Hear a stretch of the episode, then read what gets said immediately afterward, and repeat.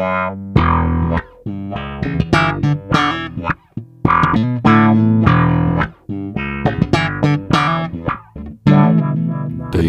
in Belgium.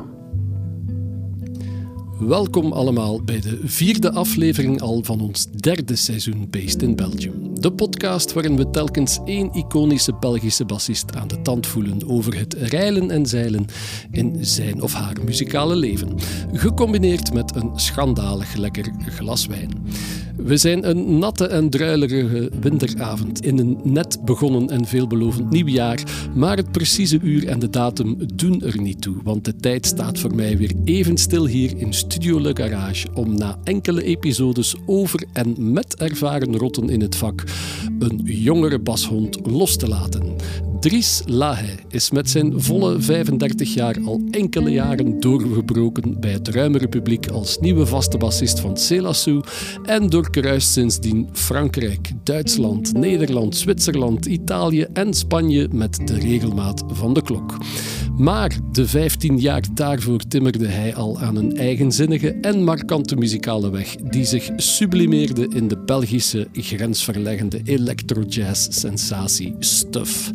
Daar is Lahey tot op vandaag stichtend lid van en ook op die manier schuimde hij internationaal vermaarde festivals af als Pukkelpop, Gent Jazz en Best Kept Secret.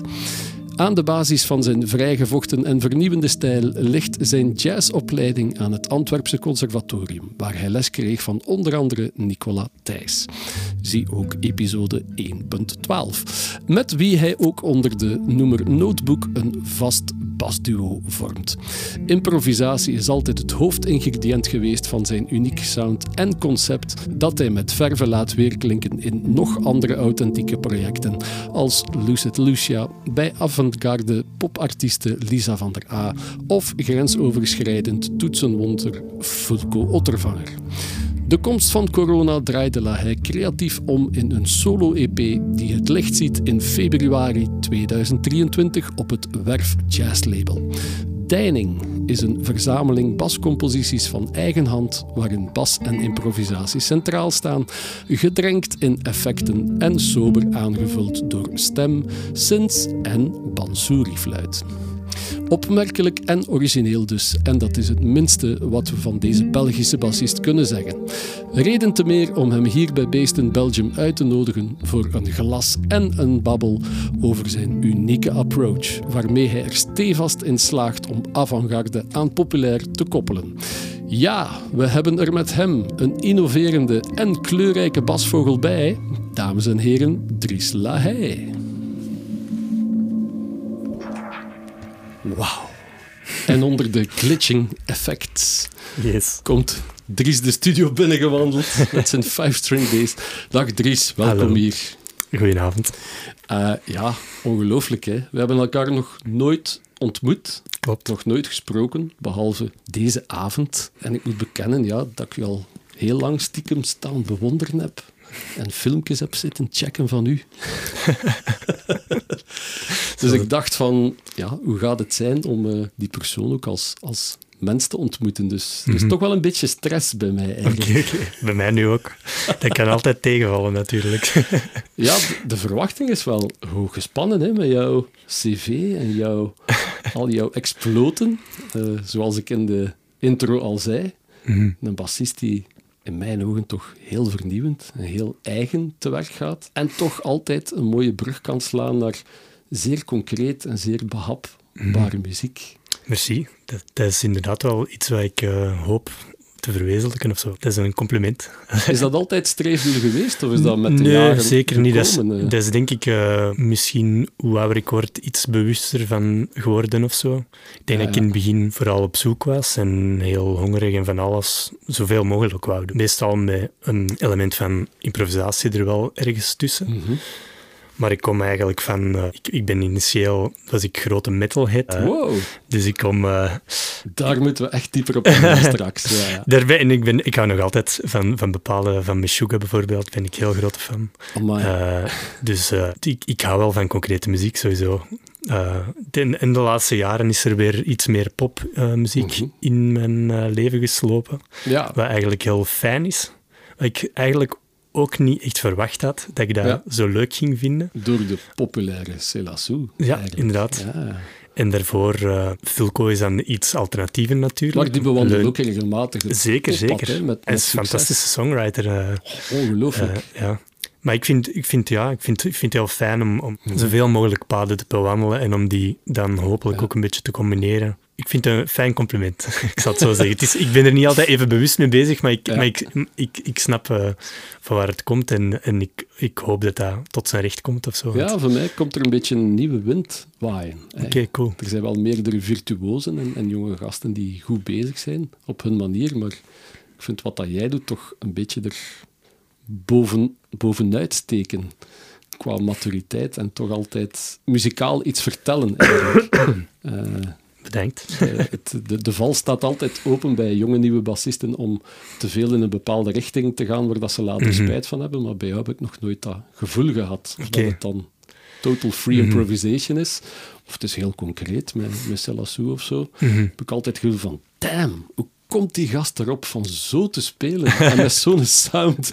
Dat, dat wil ik weten, dus Ja, ja. dat ga ik allemaal uit de neus peuteren vandaag. hè. Ik, ik hoop dat ik het zelf weet. Ik, weet, ik, weet, ik denk dat vaak, vaak zal het zeker niet even bewust gebeuren, denk ik. Of zo. Maar Ja. ik denk dat het grootste, het grootste ingrediënt is gewoon nieuwsgierigheid en geen keuzes kunnen maken of zo. Of, of, of willen, veel dingen willen. Dingen toelaten eigenlijk, Ja. denk ik. En ik denk Ja. ook dat de veel artiesten met wie ik de, het geluk heb gehad om mee te mogen samenspelen, dat die dat eigenlijk allemaal ook wel waren. Zoals Ja. Fulco, is Ja. ook een veelvraat. En Lisa van der Aa zeker ook.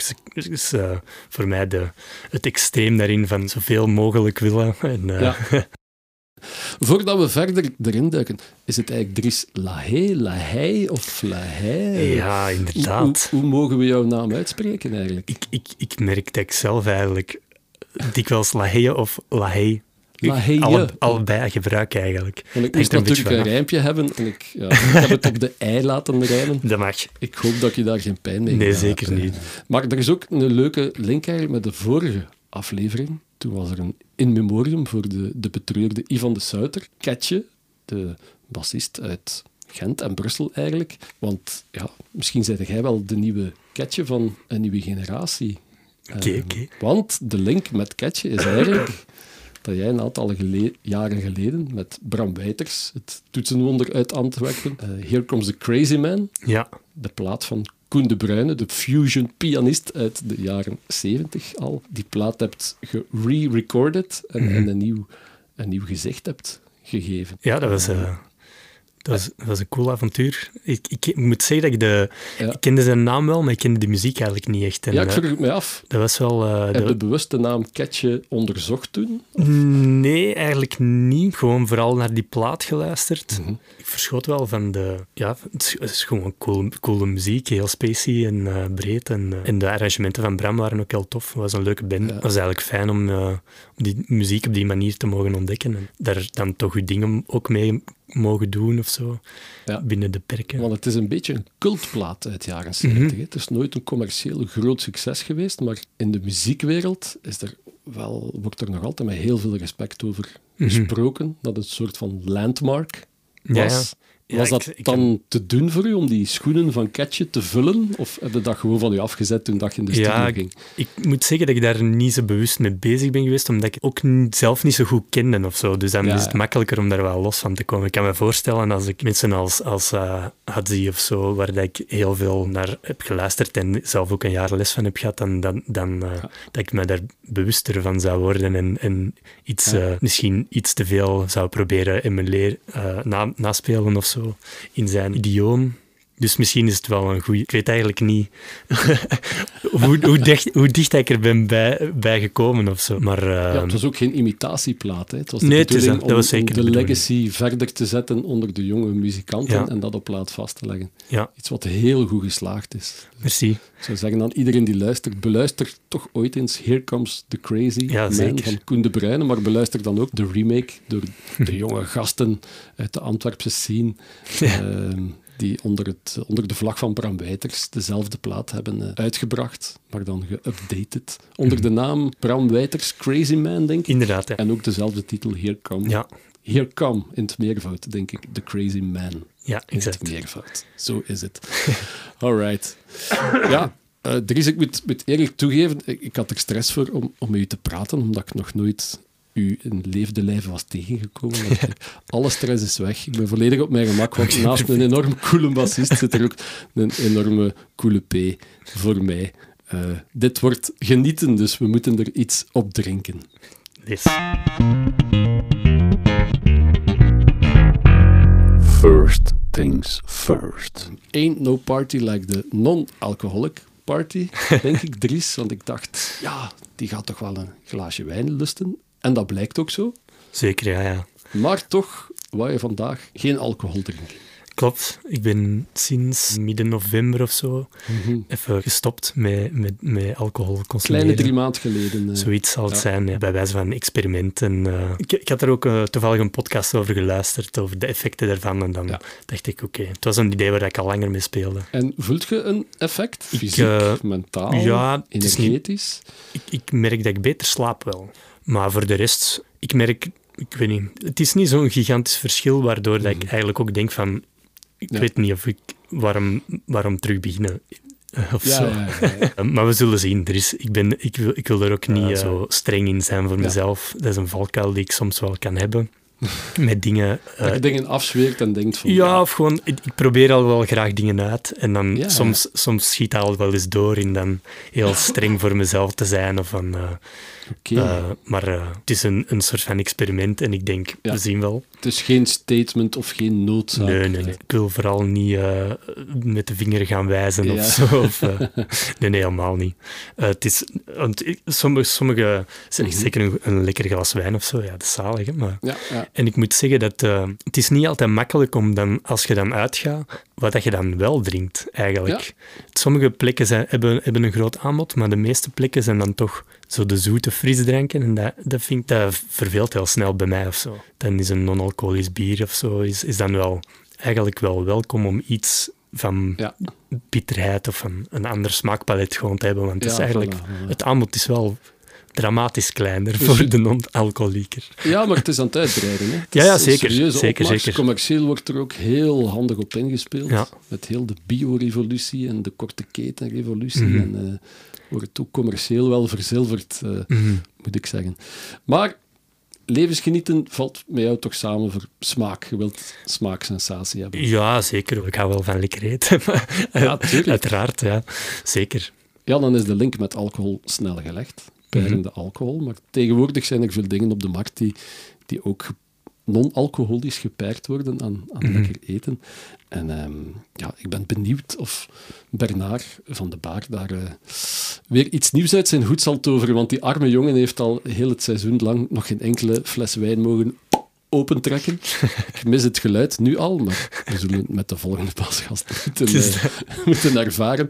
Eh, dus rest ons maar één vraag. Wat zit er in de baar, Bernard?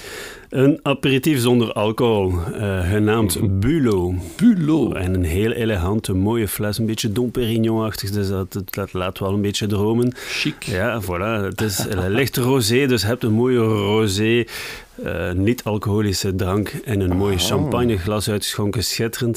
Het is een product van eh, Pieter Lonneville. Hij is een chef in Brugge. Hij eh, is heel befaamd. eh, Er wordt heel veel gesproken over hem, zowel in Gomio als in Guide Michelin. Omwille van zijn concept. Het is eigenlijk een, eh, Ja. een food, restaurant, winkel, slash winkel.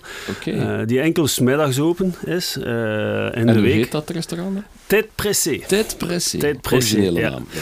Een zeer goede chef, zeer goede chef. Die, ja, je kunt daar binnen gaan, enkel middags. Dus zoals ik zei, eh, je gaat daar aan toog en de chef Mhm. gaat daar voor u eh, in een open keuken lekkere rechtjes maken. Niet op bordjes gelegd, maar eigenlijk in stoofpotjes, in pannetjes en zo Ja. verder. Een brute keuken, maar zeer, zeer lekker. Ja, ja. En daar hoort ook zijn, zijn bruut product, Oké. zijn de Bulo. Een soort eh, brut champagne, maar dan zonder alcohol, die hij wou ontwikkelen. Ja, klopt. Dus dat is een, een, een fermentatie eigenlijk van kersen, zwarte thee, groene thee, rooibos, uh, laurier. Er zit wat citroen, er zit daar wat rozemarijn en koriander. En het is op een heel natuurlijke wijze gefermenteerd. Dus uh, het zijn natuurlijke fermenten. Ja, ja. En dat zorgt ervoor dat het product eigenlijk ja, heel puur is, heel lekker. Uh, het is kombucha, een beetje het kombucha-stijl. Het is eigenlijk een kombucha en thee tegelijkertijd met koolzuur. Ja. Um, het is heel laag in calorie, dus heel goed voor de dames. Uh, en ook voor de mannen die graag iets, uh, iets drinken, die ook niet te zoet is. Want daar, daar heb ik ook Ja. een nekel aan, aan die niet-alcoholische drank. Meestal zijn ze te zoet. Hier heb je ook opnieuw iets heel zuiver. Een mooi buttertje, een mooie zuren. Het, ja, het, het, het laat hem heel gemakkelijk drinken. Ja, Voilà. ja, ja. En ook naar food pairing, ja, zoals wij het heel graag hebben. Oesters. Oesters. Oesters met champagne. Ja, wel, nu, ja, nu- oesters zijn? Oesters met Ah. bulo nu, voilà. Wauw, dat Oesters. past goed samen. Ja, dan. dat past er perfect samen. Dus zo ook rauw vis of eh, gevogeld en slow food. Ja, slow Ja. food, wat eh, ja, Pieter Lonneville zo voor gekend is. allemaal ja. ingrediënten, ook wat dat in zijn bulo is, allemaal ingrediënten uit de streek. Eh, al zijn grondstoffen ook in zijn restaurant komen uit de dichtbijzijnde eh boeren. En, en, Korte en- keten. Ja, klopt. Ja, helemaal. Fantastisch. Wel, laat ons hopen eh, dat onze basgast Dries Lahaye ook een eh, seafood freak is. Want ik ben al eh, zeer getriggerd door de combinatie met eventueel oesters en andere seafood. Ja, kombucha deluxe eigenlijk, mogen we zeggen. Ja, is heel zeker. Een kombucha Bulo. deluxe. Ja. Een natuurlijke fermentatie zonder toevoeging van extracts en essence. Een puur natuurlijk product, maar heel verfijnd. Puur natuur. Daar gaan we voor. We gaan het direct aan Dries voorstellen. Eh, bedankt, Bernard. Graag gedaan. Een sprankelende bubbel, Dries. Oké, Want ben wel zeer benieuwd. verwoordt het heel chic. Eh, het is een beetje Dom Perignon, mini-flesje. Ja, ja. Ik vind het persoonlijk meer op een flesje Orval. Ja, inderdaad. Het heeft zo die, die allure. Dezelfde rondingen. Lijkt mij een flesje van 33 centiliter te zijn. En eh, het gaat niet knal zeggen, maar het is een, eh, ja, een bierstopsel eigenlijk. Hè. Dus, ah, voilà. Even open doen. Dat is mooi. Mooie fles. En erin.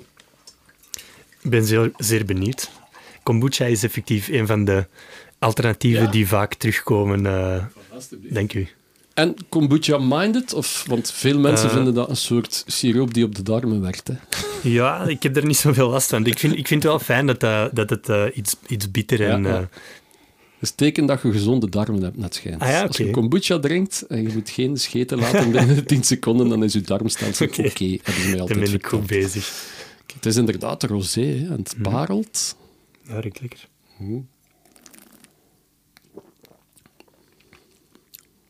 Yes. Ja, Wat doet het bij u? is lekker, fris.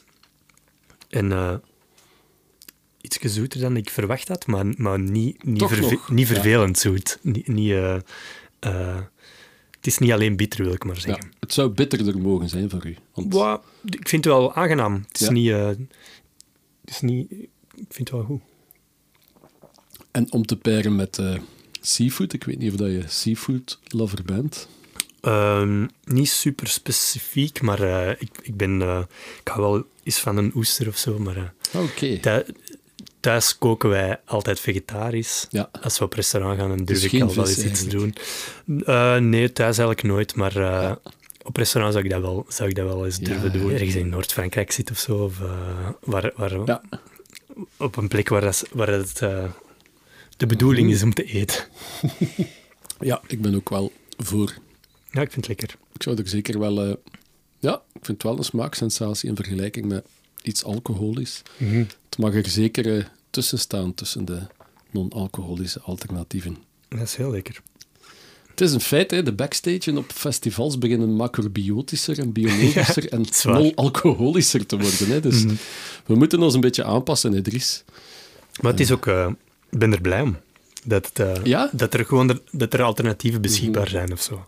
Anders is het toch vaak eh, Ja, bier of water of zo. Ja. Of cola. of hele zoiets, zoete hè. plakken Ja, en voilà. cola. Dus, eh, Ja, ja.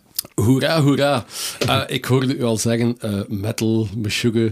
Ik denk dat het, wel, dat het echt wel dringend tijd is dat we jouw roots gaan onderzoeken. Want dat lijkt mij zeer interessant. We hebben nog niet gechint eigenlijk. Dus Yes. school. Op een zeer aangename kennismaking nu al.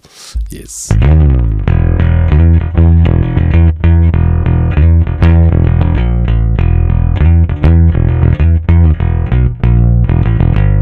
Roots, bloody roots. De roots van Dries Lahaye Lahaye. We mogen eigenlijk zeggen we willen. hè? Lahaye, Lahaye, dat zijn de meest gangbare. Oké. En ja, in, ja. eh, mijn, mijn achtergrond komt eigenlijk uit West-Vlaanderen, vanuit. Poperingen. En daar zeggen ze looie, de looiekops. De looiekops. Ja. De looies. Lahaye, looie, het is een soort van, eh, soort van ja, Wauw. verbastering inderdaad. Poperingen. Heerlijke streek, hè. Ja, zeker. De, de hopstreek. Zeker. Fantastisch als je daar binnen rijdt en je ziet die hopranken staan. Ja, ja. Ja dus nu, nu is het al iets minder dan vroeger. Als, als kind ging daar heel vaak op reis en, eh, bij mijn grootouders. En ik herinner me dat dat dan echt vol stond, inderdaad. Maar het is wel een, eigenlijk heel veel mensen van mijn familie wonen effectief nog in Poperingen. Van beide kanten van de Mhm. familie. Dus eh, ik ja, ging daar eigenlijk vaak op vakantie, eigenlijk. Zeker als Roots, kind. West Flemish Roots. Ja. Wie had dat gedacht? Ja, een bassist die uit, eh, uit het stad komt. het stad, waar je de naam niet eens moet bij vermelden. En iedereen weet over welke stad dat het gaat, natuurlijk. Het voordeel van mij als interviewer is dat ik eindelijk bij u een keer de, de first question not to ask aan uw invité, zo de beginnersvragen, fouten mag maken, want ik weet eigenlijk überhaupt heel weinig over u. Dus ik mag eindelijk een keer het interview openen met de vraag: Dries, hoe is het allemaal begonnen? Ik, ik ben eigenlijk... eh, mijn, mijn moeder heeft ons quasi verplicht om muziekschool te gaan doen als kinderen. In het eh, eerste leerjaar, denk ik. De Vlaamse methode van Ja. jij zult naar de muziekschool Ja. gaan. Ja. Maar ik was daar ook niet echt rouwig om. Het enige dat ik jammer vond, was dat we in de tijd mocht je... Je kon eigenlijk niet echt je instrument kiezen. Dus ik moest saxofoon spelen om in de harmonie te spelen, omdat ze saxofoon nodig hadden. Zo die toch nog een beetje oude stempel. En dat was niet zo'n goede match. Vooral ook omdat... Ik had niet zo'n inspirerende leerkracht in de muziekschool. En dan ben ik daar eigenlijk mee gestopt. En uit een soort van... Mijn moeder had zoiets van, je hebt nog één jaar om de muziekschool af te werken en dan doe dat please, want dan kun je daarna eventueel terug beginnen zonder al de theorie opnieuw te moeten doen. Ja, ja, ja. Waar ik haar heel dankbaar voor Zeer ben. sterk argument dat inderdaad veel kinderen die wilden stoppen over de streep gehaald Zeker. En dan ben ik uit rebellie eigenlijk een jaar blokfluit gaan doen om het, om het te gaan afwerken. Dus hoe is het begonnen, Dries? Met blokfluit. En dan, eh, dan ben ik eigenlijk een tijd gestopt met de muziekschool en ben ik gewoon gitaar beginnen spelen. Ah, dat gaat al in de richting. Ja, en dat, dat was gewoon puur uit mijn eigen goesting. En eh, dat is een, een beter fundament. En dan, eh, ja, ik luisterde toen naar heel veel, naar Metallica, Nirvana, zo van die... Toen was je al een jonge tiener eigenlijk. Ja. dus onze Goh, ja. eind jaren negentig Ik dan denk- al. Ja. Ja, ik, ik vermoed dat ik dan rond de 12 was of zo, vermoed ik. Want ik ben op den duur basgitaar... Mijn moeder is daar eigenlijk ook mee afgekomen. Van, ik wou dan toch muziekschool doen. En Toch zei nog. Ja. van, eh, je kunt dat ook doen. Want ik wou eigenlijk elektrische gitaar doen, maar daar moest je dan drie jaar eerst klassieke gitaar voor doen. ja, het Wat ik oude nu straks systeem van het DKO. Ja. Exact. Ja. En dan eh, met basgitaar kon je gewoon beginnen. En dus dat is eigenlijk het onsexy verhaal waarom ik basgitaar speel. Blokfluit, Ja, mama, exact. muziekschool. Totaal niet rock and roll. Maar eh, dat lag mij wel. En ik, eh, vanaf Mhm. dan heb ik eigenlijk altijd heel veel chance gehad met de leerkrachten die ik had. Dat was in- Vanaf de basgitaar Ja, toen zat ik in de muziekschool in Lier, wat een heel goede muziekschool was. Heel goede muziekschool. Ehm, ik zat bij Roeland van Noten. ja, Ehm, een goede basleraar. ja, dat Ja. was heel tof. Heel breed eigenlijk. Want dat, dat, dat begon direct met zowel Michael Jackson als Jamiroquai als Bach. En, en dat zijn dingen die mij nog altijd heel veel hebben Ja. gebracht. En ik had als combo-leerkracht Jeff Neven, die super Wow. enthousiast was. die mensen heel enthousiast maakte. En dat was eigenlijk fantastisch. En ik zat ook in een ensemble. Ik wist toen niks van jazz, echt Mhm. niks. En eh, ik zat in een ensemble met mensen die eigenlijk nog allemaal professioneel muzikant zijn geworden. Alban Saras, eh Ja. Marianne van Rompuy, Ja. eh Seppe Gebruurs. Een goede lichting Ja. eigenlijk. En ik heb zelfs, grappig verhaal, eh, van Bram Wijters ooit, die is ooit stage komen doen in de muziekschool als ik een, een, een jonge paljas was. Ja, dan gaan we hem backstage mee pesten Dat- bij Raymond. hè. Ja, dat was heel, heel grappig, want achter, de volgende keer dat ik die zag was in een eh, heel bruin café in Antwerpen, in een totaal andere toestand. Daar kan men Bram eh, al eens tegenkomen, in bruine cafés. Dus dat was, dat was fantastisch. Ja. Maar dat was een- eigenlijk een heel goede omgeving. Om, daardoor ben ik eigenlijk in, Ja. in jazz terechtgekomen. Wauw. Ehm, want daarvoor, ja, ik, ik speelde vooral rock, punk, metal. Ehm, en dat, dat is dan eigenlijk door Roland en Jeff breder geworden. Breder getrokken. Ja, Maar de basis was redelijk hardcore, ja zeer ijzer en metaal. zeker. Ja, ja. Ik ging... eh, Door vriendjes of, of door hetgeen dat je op de Goh. radio hoorde? Of... combinatie, denk toenmalige Studio Brussel dan nog wel stevigere Ja. dingen durfde te draaien dan vandaag. En zeker ook wel vrienden in de klas die Nirvana... Ik weet eigenlijk niet hoe dat ik tot Metallica kwam. Dat was voor mij een heel grote... Mhm. eh, eh, de eerste band waar ik eigenlijk echt zo... Ook die solo's probeerde na te spelen Mhm. op gitaar en zo. Dus ja, dat, dat was een beetje mijn ding. En, en op, op een gegeven moment ben ik eigenlijk eh, ben ik naar de kunstmajor gegaan. In Ben- Antwerpen ook. in Antwerpen, ja. En, eh, en toen was ik zelfs nog aan het twijfelen van, ga ik nu gitaar of basgitaar doen? Ja, dan, dan is het wel snel een, een radicalere keuze geweest. En sindsdien heb ik eigenlijk heel lang geen gitaar meer gespeeld. Wat gaf de doorslag dan? Het basale van de bas? Ik denk, En toch de melodie die je kon performen? Of... ja... En, en misschien ook het feit dat je heel, heel veel kunt spelen ook. je kunt, je, De is- motor moet blijven ja, het is, draaien. het is het Ja, fundament. En, en, en, en misschien ook wel omdat ik eh, met de gitaar vooral zelf Mhm. onderzocht had en zo wat in die metal scene. En dat die bas dan toch een soort van fundament in, in muziekschool en, Ja. en eh, ensemble omgevingen zat. Dus eh, dat misschien iets makkelijker die stap Mhm. was om dan een jazzrichting te gaan doen in de kunstmajora. Er zit veel jazz in jou ook, Mhm. vind ik. Veel gevoel voor improvisatie. Het overgeven aan het grote witte heelal waar alles kan gebeuren. De kosmos, Mhm. zoals dan Miles Davis of Shorter het graag zegt. Just Mhm. play the cosmos. Wat was jouw eerste aanraking met jazz dan? Je kwam in dat combo Ehm. en je had eigenlijk nog nooit een jazzplaatje gehoord. Ja, dat was heel... Neven zei van, we gaan een standaard doen. Ja, dat was heel angstaanjagend ook, want het is gewoon... Ja. eh, ik kreeg gewoon een pagina van de Realbook voor mij en ik, Ja. ik, had nog nooit, ik wist niks van akkoorden, dus ik wist Ah. letterlijk niet wat ik moest doen. Ik wist ook niks, niks, ik wist niks over jazz, gewoon niks. Dus dat was heel angstaanjagend en heel... eh, ja, ik was toen zeker de zwakke schakel van het combo. ja, ja, ja. Maar dan, eh, ja, dan weet ik eigenlijk niet zo goed dat dat... Dat is zeker door chef en dan waarschijnlijk in gesprek met Roeland eh, daar, daar Ja. wat meer over.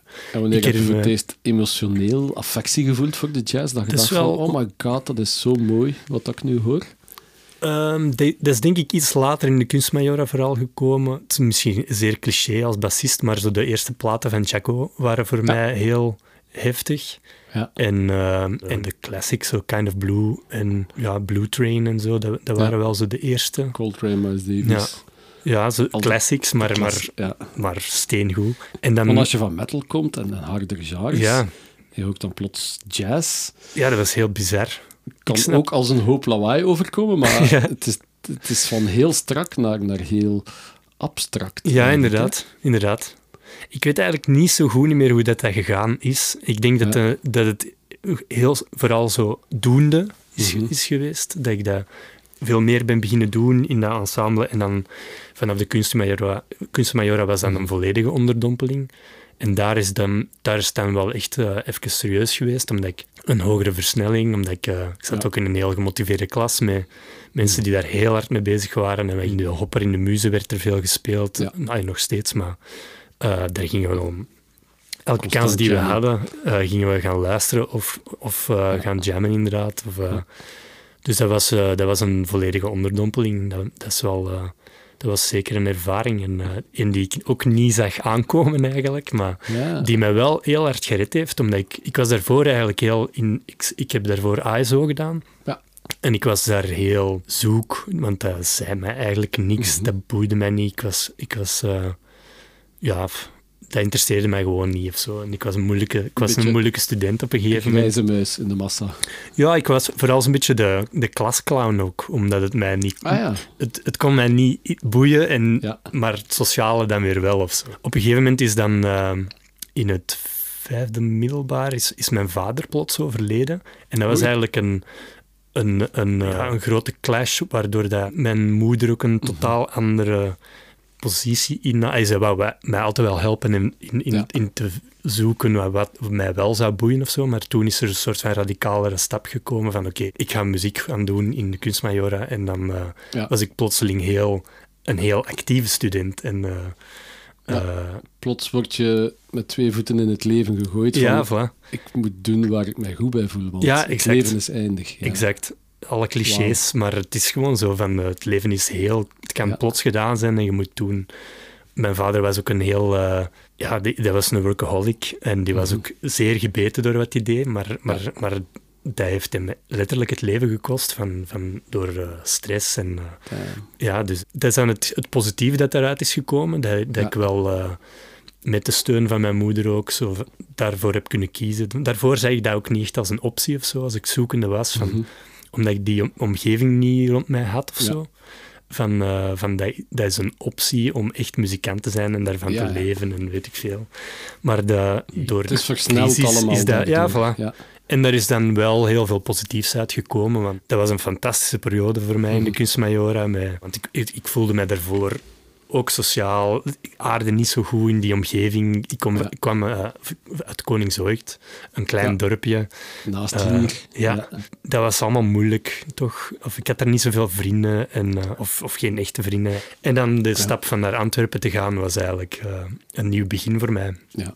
Ja. En dat was fantastisch, want je kunt je onderdompelen in, echt in die muziek en je kunt het en, en ontdekken en uitvoeren. En al die mensen die daar nog altijd vrienden zijn eh, de dag van vandaag, van de kunstmajora, is, dat was een magische tijd voor mij. Of dat was echt voor mij echt zo de, het Harry Potter gevoel. Zo van, ik ga naar de magische school waar plotseling alles ook mag. Want daarvoor zat ik op een nonnenschool in een kostuumetje en zo. En ineens zit op de kunstmajora waar mensen jointen roken op de speelplaats. Ja, Dus dat, was eh totaal omgekeerde. Met de grap dat ik wel net daar dan wel een, een betere student werd en eigenlijk Ja. net heel veel richting gekregen heb. Dus dat was, eh, dat was een heel vormende periode voor mij of zo. Wauw. Heel mooi verhaal. Ja, ik ben, eh, ben wel heel blij dat dat zo gelopen is. Want eh, Ja. ik, ik, ik stel me soms wel de vraag van, stel dat, dat ik niet muziek had gevonden op dat Ja. moment, dan weet ik eigenlijk echt niet wat er was gebeurd. Echt geen idee. Ja. Waarschijnlijk was het wel goed gekomen op een manier, hè, maar ik, heb, Mhm.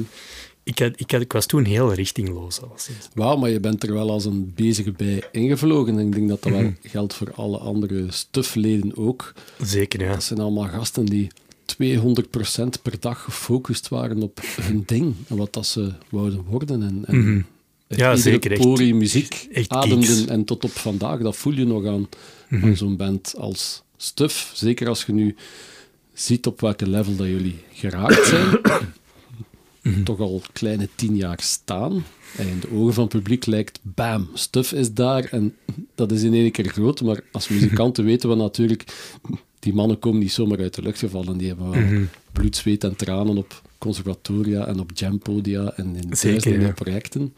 Eh, En zelfs als, zelfs als het project Stuff eh, zelf zijn wij eigenlijk echt Ja. begonnen in, in, een, in, in de White Cat. Ja. En hebben wij daar eerst drie, vier jaar een discotheek eigenlijk. elke, ja, elke eerste donderdag van de maand was dat, denk ik. Eh, dus echt wel een fundament gelegd of zo. Dat was Ja, niet van plotseling konden wij die grote podia gaan spelen. zo. Mhm. We hebben echt wel kilometers ge- ge- afgelegd samen ook. Ja, dat voelde, want het is een heel particuliere eh, route geworden. De, de weg daar naartoe voelde dat jullie een heel eigen strijd geleverd hebben. Mhm.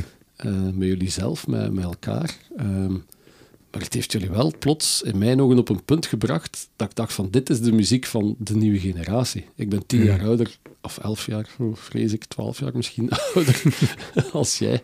Eh, maar toen dat ik Stuf hoorde, dacht ik van lap, het is zover. Zo Van, eindelijk is er een nieuw eikpunt in België van dit is nu nieuwe muziek. Mhm. Ik kom ook al uit een jazzschool, dat bestond al. Maar jazz was jazz en pop was pop. En dat was strikt gescheiden eigenlijk. Mhm. Nu is dat soms ook nog. Maar ik heb zoiets van, als ik terugkijk, van sinds dat Stuf er is in België, al de jonge gasten van die generatie, die denken niet meer in strictly jazz, strictly Mhm. pop. stri- Mhm. Alle muren zijn een beetje gesloopt door jullie, denk ik. Eh, Ik kan geen andere Goh. band noemen in België die dat verwezenlijkt heeft binnen dit momentum. Hè. Er zijn om de Ja, jaar wel. denk Voelt dat dat wij- voor jullie ook zo aan? Ja, dat was soort van alles kwam zo'n beetje samen op het juiste moment. Het verschiet nog altijd wel van de impact die wij hebben gehad, zeker. Dat mijn gevoel was dat in Amerika al wel aan de hand of zo, en in, en in Engeland waars- ja, waarschijnlijk op verschillende plekken, maar er was gewoon zo'n moment... Underground, hè wel? Ja, je had zo, voor ons wa- was toen, eh, zeker voor mij en landen, een eh, Robert Glasper experiment was toen wel een invloed of zo. En die waren daar wel mee bezig. En die zijn later dan wel, nee, dat is niet, niet populair geworden nooit, maar dat, is, dat, is wel, dat zijn wel echt grote namen ook natuurlijk. En die ook met, met gasten als Kendrick Lamar dan wel eh, mee, mee eh, Mooi. ongelooflijke muziek hebben gemaakt. En, het was zo dat, en, en de muziek van Flying Lotus, dat was Ja. een heel grote invloed op mij en andere. En dan, eh, en dan Stuff, ja, is een soort van rare mengelmoes van verschillende dingen. Want Andrew en Joris komen dan weer van een, van een elks, weer van hun wereld. Ja.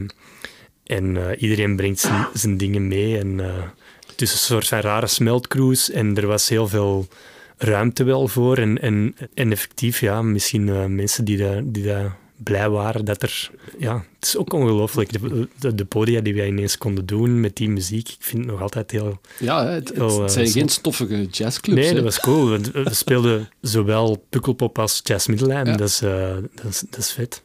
Ja. En dat is heel cool om dan effectief bij jonge gastjes in, in, in het conservatorium ben ik eens gaan vervangen. En dan verschot ik er wel van Ja. dat, eh, dat, dat mensen dat wel echt kenden of zo gecheckt hadden. En, en dat, is, dat is wel een groot compliment. En dat, dat is, Ja. dat is heel, heel cool om, om te voelen of te- om te... Want het is een groot verschil dat ik voel van... Hadden wij destijds met onze generatie muzikanten iets in jullie genre gestart, Mhm. dat ging op een manier veel te afgeleid zijn, omdat we nog Mhm. veel te veel ingeprent werden van dat is fusion. En Ja, dan ja, ging ja. dat project ook net iets te veel fusion klinken. ja. En bij Stuff voel ik heel veel fusion, zonder dat ik mij eraan erger dat dat fusion is. Want fusion op zich is eigenlijk een verschrikkelijk genre. Mhm. Ik noem dat altijd een fase waar je door moet als muzikant. De F-word. Maar, maar jullie hebben daar muziek mee gemaakt op een manier ja, dat het weer enorm fun en interessant wordt. Maar ik denk dat het wel, het is uiteindelijk iets dat altijd wel er is geweest, denk ik. Want Mhm. Iemand als Miles Davis heeft nooit anders gedaan. Of zo, als kijken van, wat is er hier? Jimi Hendrix is hot op die Ja. moment en hij heeft dan de invloed met zijn muziek. En- Mhm. Of een band als Weather Report, die, of Herbie, die, Ja. die allemaal wel de, de populaire genres incorporeerden in hun muziek of zo. Ja, dus misschien was een soort van logische stap voor ons, omdat wij gewoon zelf naar heel veel hip-hop en elektronica luisterden, Ja. om dat dan te gaan willen spelen of zo. Een soort van rare kronkel ergens. Soms kan dat ook iets heel cringy hebben of zo, maar... eh, Ja, want ik kan er niet altijd mijn vinger op leggen wat dat ermee zo boeit bij jullie. Want elk nummer dat ik beluister van Stuff, denk ik... Ah ja, dat was thema. Ah nee, toch niet. Is er een thema? Ja, ja.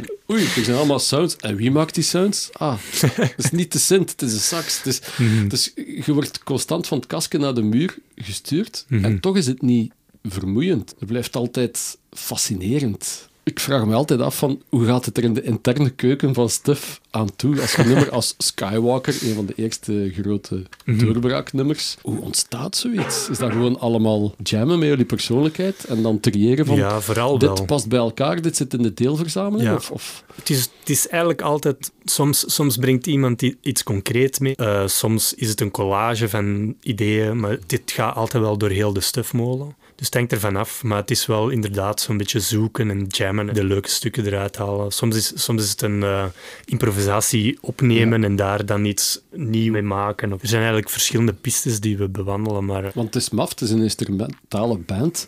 En eigenlijk wordt er ook niet gesoleerd. mhm. Dat is me de laatste tijd opgevallen. Als ik het Mhm. probeer te analyseren, denk ik, er wordt altijd samen van alles, er zit van alles te broeien. En er Ja, is- inderdaad. Oké, er komt iets basachtig solo, maar dat is niet van, en nu begint de bassolo en nu is het gedaan. Mhm. Zoals dat we allemaal op conservatorium geleerd hebben. Ja, ja, het- Zo dat, dat is niet meer aan de orde. Dat is al way beyond bij jullie. Mhm. Eh, Maar we zijn ook door in die club te beginnen, na een DJ rond middernacht, Ja. Late shows voor een dansend publiek te spelen. Dat heeft wel die impact gehad om Ah. zo, oké, we willen wel dat het een feest blijft of zo. Dus dat, was, dat heeft zeker een groot Ja. impact gehad. En dan zijn we, we zijn in- initieel begonnen met eigenlijk allemaal covers. Echt zo Oké. reelbookgewijs, gewoon zelfs een sketchje maken van dit nummer van Flying Lotus of van Hudson Mohawk of Mhm. van Mark Moulin zelfs. Het, ging, Ja, het, ging- ja. het was heel eclectisch. En dan op den duur zijn we zelf, zelf ideetjes beginnen ertussen smijten. En, maar steeds wel met die energie van oké, we willen wel dat het dansbaar is en, Ja. of, of knalt of zo. Er, er zijn zeker solistische momenten, maar het is inderdaad wel vooral het groepsgegeven, dat brolletje dat wij samen Ja, verder rommelen. Of dat dat nu een, dat een... constant aan het koken is en, en je krijgt van alles naar binnen zonder dat er dan, ah, nu is het synth-solo en dat gaat naar een climax. Dat is eigenlijk nooit bij jullie. Mhm. En toch blijft iedereen getriggerd. Maar inderdaad, het feit dat jullie voor een dansend publiek zijn begonnen, zal Mhm. inderdaad wel veel invloed gehad hebben. Ja, zeker. Nee, het is dat. hè. Dat hebben, we- we hebben altijd eh, de chance gehad wel om, om in die gekke omstandigheden te spelen en ook wel toch te improviseren of zo.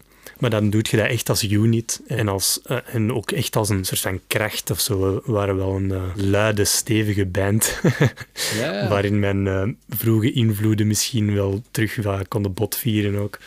En als jullie dan ingehuurd worden, zal ik maar zeggen, door popartiesten, dan is dat natuurlijk omdat jullie ook weer een heel andere insteek geven. En dat brengt me een beetje bij, ja, ik zei het al in, bij de, de bal, bij de intro van, bij, bij de plaat van Lisa van der A, Mhm.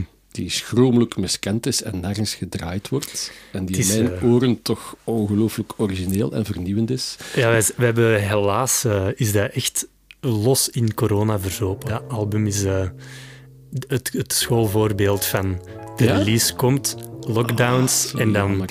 denk drie of vier keer verschoven. Het was echt een ramp. Het was echt, een, echt verschrikkelijk eigenlijk.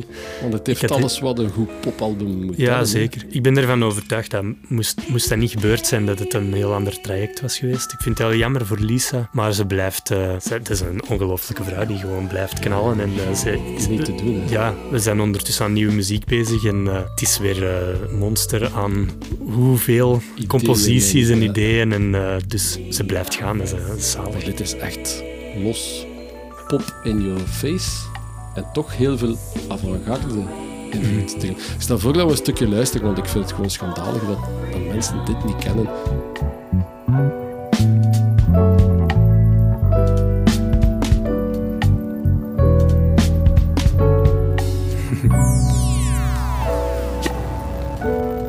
Zo groovy. Ja. Er is dus ook superveel ruimte. The fever, lost my horse in the rain. My trust down the drain. Damn, things went crazy, baby, but you're still not maybe like the sun, new and old. Under ether, taste of fever, lost my horse in the rain. Oh, my trust down the drain. You never were my maybe boy like the sun, new and old. Self victory as a constant. eerst wat aan Erika Badu denken, maar latere platen. Maar het is een heel eigen wereld.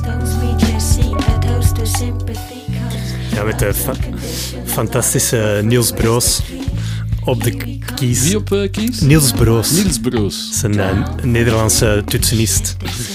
Fantastisch. Lander op drums. Ja. Ja, bas. Ja. En wie werkte er nog aan mee? El- Elisabeth de Lore speelt piano. Ja. En nadenken. Dan, Boris is de producer.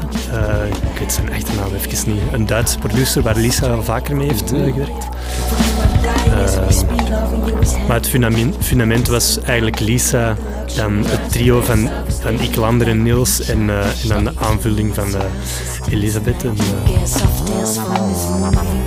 ja, dat is een heel coole band. We hebben helaas, denk, dat, ik denk dat we maar vier keer gespeeld hebben of zo. Het is echt heel jammer. Ja, echt zo Eh, jammer. We hebben een heel tijdens corona heeft, ehm, hebben wij een handelsbeurs een stream, een livestream ook gedaan die heel tof was. Eh, met drie backings ook erbij nog.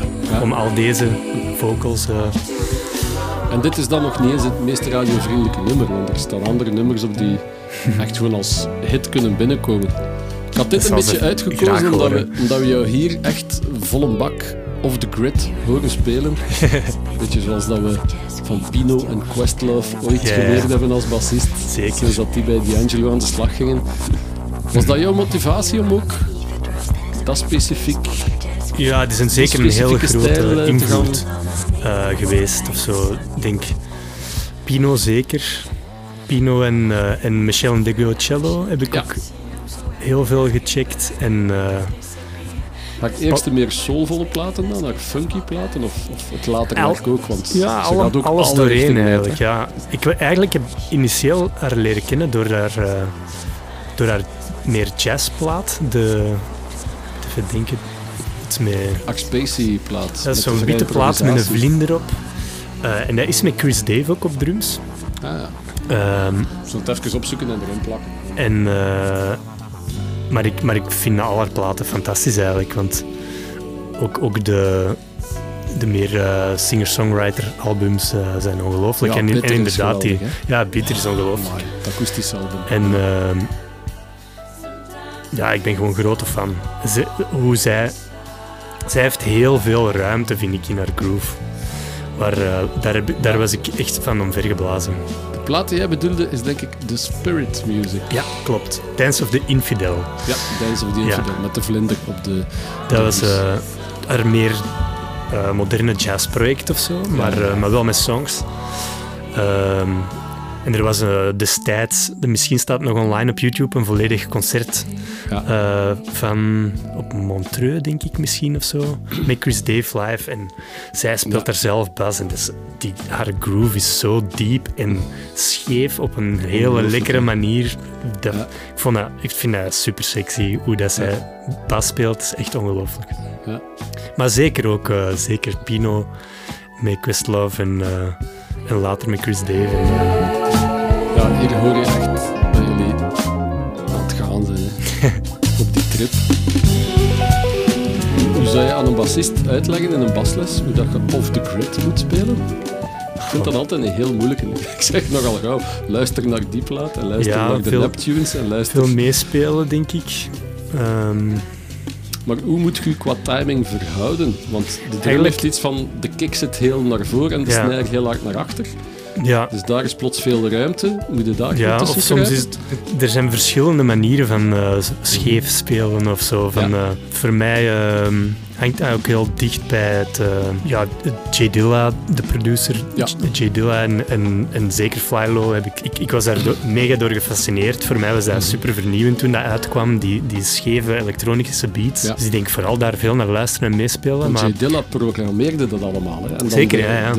De, rappers die er bekend mee werden, die hireden dan een live band en die begonnen dat dan na te spelen voilà. eigenlijk. Daar komt het een beetje van. Hè. Maar eigenlijk is het zeker... eh, de joke is dat je eigenlijk ritmisch heel sterk moet zijn, net om, Ja. om, om echt te weten waar het beat valt, om dan daar ruimte te, mee te kunnen nemen. Maar Dus ja, uw innerlijke klok moet zeggen van, daar ja, ik zou... ligt elk eikpunt en ik ga heel bewust zoveel fracties Ik zou- ervoor of erachter gaan Ja, hangen. het is niet altijd super bewust. Je hebt manieren van, van in quintolen daarover te spelen dat het heel mathematisch scheef Mhm. zit of zo. Maar er zijn gewoon verschillende manieren om, om ermee om te gaan, denk ik. Van, maar ik zou wel aanraden om zeker een zwaar Ja. ritmisch fundament te hebben, alvorens gewoon... Ik vind dat je dat voelt. Mensen die dat Mhm. scheef spelen, maar eigenlijk ritmisch niet sterk zijn, of mensen die dat wel doen, dat, Ja.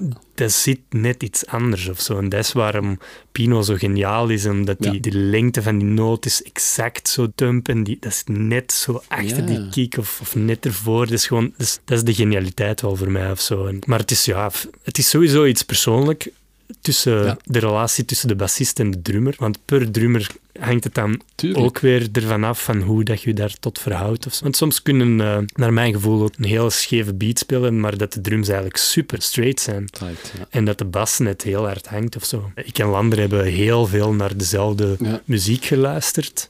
Dus jullie Ehm. hoeven er niet over eh, te discussiëren of Nee, dat, is- hebben we eigenlijk opneemt, nooit... niet te denken van ja, Lander, jij zit er heel hard naar achter, ik ga heel hard naar voren en dan Nee, valt dat- het in zijn plooi. Nee. Dat hebben we eigenlijk nooit echt gedaan. We zullen er vast wel eens over hebben gehad, maar eigenlijk gebeurt dat gewoon omdat we dezelfde taal spreken of zo. Mhm. Omdat we zoveel naar dezelfde concerten, dezelfde platen hebben gecheckt. Ja, tegelijkertijd op, op conservatoria zaten. En, eh, dus, dus gewoon heel veel... Het heeft met heel veel verschillende dingen te maken, denk ik. Maar eh, Dus op je eentje met je basgitaar kan je het eigenlijk niet oefenen. Tenzij Goh, dat je zegt, ik ga eerst op denk- een metronoom leren, heel hard Ik te zou dat, ik opspelen, zou dat wel doen, ja. klok en, daar, en daarmee leren de range zoeken van hoe, hoe ver kan ik Ja. erachter. Of, en, eh, en, ook, en zeker emuleren, hè, mensen Mhm. transcriberen. En het zal altijd anders zijn, maar vanaf dat er een echte drummer bij komt. De relatie met die drummer is wel de specifieke feel die je gaat krijgen. En dat is ook waarom dat de magie van bijvoorbeeld Pino en Questlove, waarom dat, dat zo lekker zit. Het zijn Ja. die twee dudes en moest er moest één iemand anders bij zitten, zou dat zeker ook cool zijn, maar dat zal niet die feel geweest zijn. ja, ja. Dat heeft mij heel lang wel geboeid of zo. Daar heb ik Mhm. eigenlijk lang wel echt op gekikt om zo die...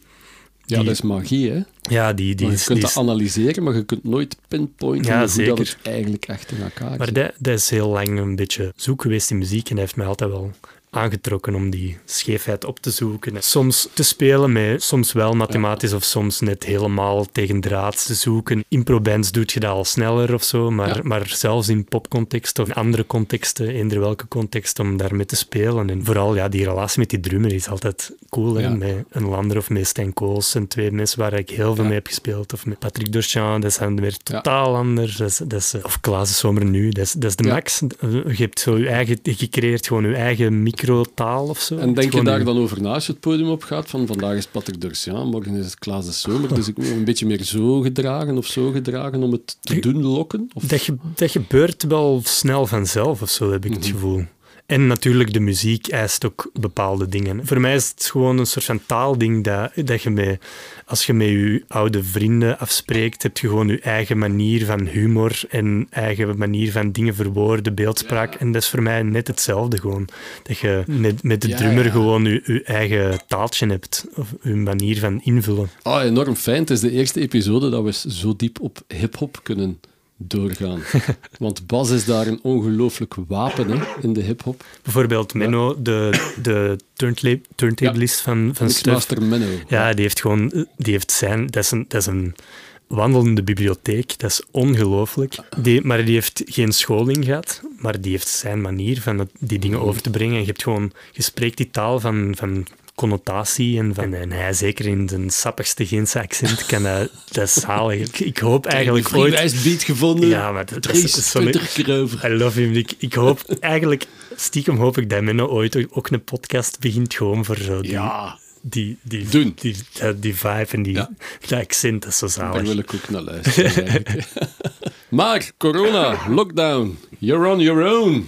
Ja, helaas. Alle stufvrienden weg rond u, alle funky drummers met wie dat je als in een vriendschap een taal kunt spreken die niemand anders kent. Mhm. Wat gebeurt er dan? Dan zit je op je bas aangewezen. Maar dan heb je toch wel iets heel creatiefs uitgestoken, hè? Ja, ik was eigenlijk daarvoor eigenlijk al met het idee bezig om solo Ja. iets, iets te doen. Dat is iets dat ik wel eens wou gedaan hebben. Ik had zo wat schetsen voor stukken en om dan eerst wat te gaan spelen, om dan daarna opnames Ja. te doen. Maar dan dacht de pandemie daar anders over en dan ben ik dus eh, The other een way around. Ja, voilà. Ja. Maar ik ben wel blij dat ik eh, een focus had om te kruipen. En Had je muziek echt nodig op dat moment om te overleven? Ja, zeker wel. Het is sowieso een obsessie. Hè. Dat, is, dat iedereen van ons wel, denk ik, die zo zot is om zijn leven hier aan te wijden. Eh, ik, er gaat geen dag voorbij. Het vraagt toewijding, hè? Sowieso, dat sowieso al.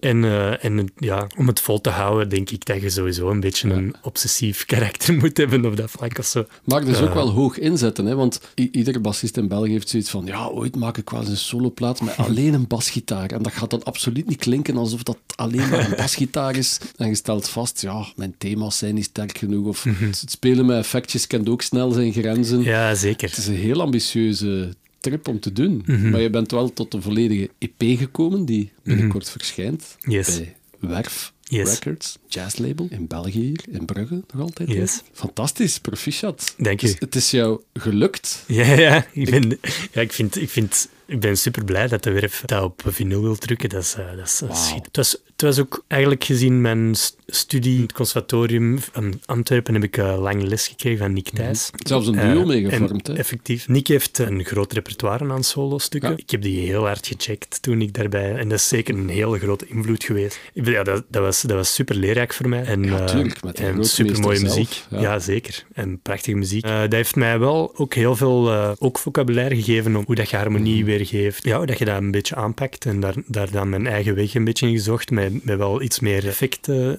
eh, te spelen. En mijn, mijn opzet was ook om, eh, net zoals Nick eigenlijk, om, om niet de focus te leggen op loops. Ja, en loops daar komt het en- plafond altijd van de bassolo plaats, Ja. Die loops hebben ook allemaal een, Maar dat hun kan- einde. Zeker, maar dat kan, dat kan fantastisch zijn ook. Hè? Maar, dat, maar dat was een beetje mijn opzet van oké, ik wil eigenlijk composities die wel blijven bewegen en waar dat ik een beetje een verloop in kan hebben, zowel of dat nu harmonisch is of ritmisch. Of, ik wil wel iets en eh, een element van improvisatie ook er wel bij. Ik ben wel blij met het resultaat. Het blijft spannend, om, zeker om live uit te voeren. Daarom heet het ook deining, denk ik. ja, deining op de zee. De, Ja, de- constante beweging die toch nooit hetzelfde is. het is dat, een, een soort van flow die, eh, die blijft gaan. En, eh, ja, het is een soort van staat waar ik probeer in te geraken wel. Van gewoon zo'n soort Ja. van, dat je gewoon kunt flowen. Dat je niet te veel nadenken, maar dat je wel ideeën kunt blijven geven voor jezelf en, en kunt blijven deinen op de muziek. Of eh, op, op de ideeën, alleszins. Het is een instrumentaal album, maar het is eigenlijk een Nederlandstalig album. Hè? Alle Ja. titels zijn Nederlandstalig. Deining. Klopt. Het nummer dat we gaan beluisteren, want ik, ik wil zeker al iets laten horen in sneak preview. Dat mag van Dries. Dat nummer heet Staar.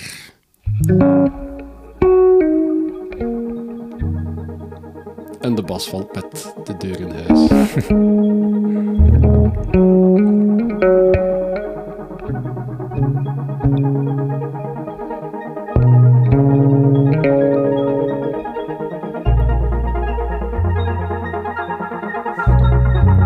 Een bedje van glitch en synths.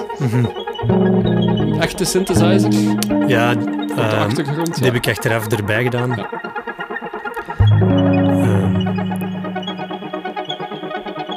het merendeel van de stukken zijn eigenlijk eh, een solo performance ook. Dus het meeste is eigenlijk een live opname die dan Ja. een beetje aangevuld is geweest. Een beetje uitgearrangeerd. Ja, of, of, ja, voilà. bijvoorbeeld die intro aangedikt met die synths of eh, er is een track waar ik ook wat fluit speel of, eh, of zing, dat heb ik wel. Pansuri-fluit, heb je Ja. later. Klopt. Die speelt je zelf. Ja, ik heb zo'n periode gehad dat ik daar de, heel hard door gefascineerd was. Was dat na uw blokfluitperiode? ja, verder na. Oké.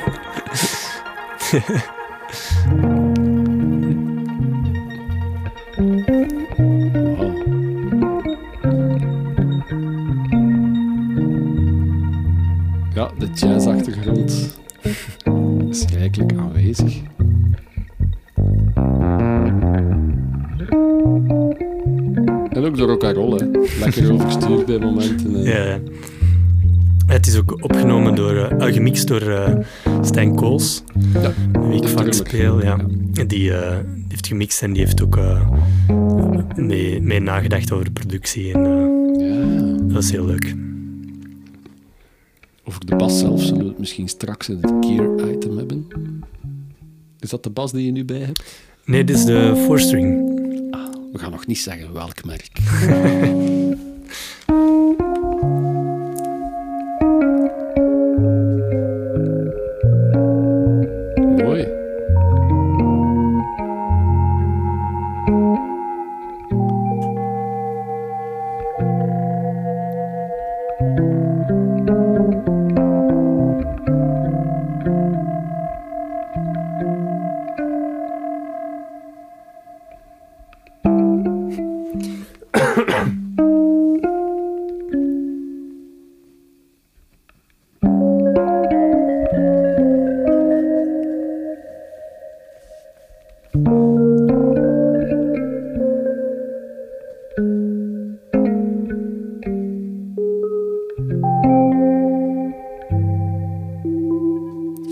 hedendaagse jazz-invloed, denk ik. Hè? Ja, ik, ik, weet, ik, ik weet het niet. Ik denk... Op eh een manier denken aan pianisten à la Brad Meldo en, en dat daar soort. heb ik vroeger zeker wel naar geluisterd. Ja. Ja, Ehm, in de thema's, hè. ja, ja. Heel open ook. Ik vind, ja... Het is wel eh, grappig om te horen. Om die, ik, heb, ik heb er eigenlijk nog niet zoveel mensen hebben het gehoord. Dus, Nee, dank u, dank u. Ik ben zeer vereerd.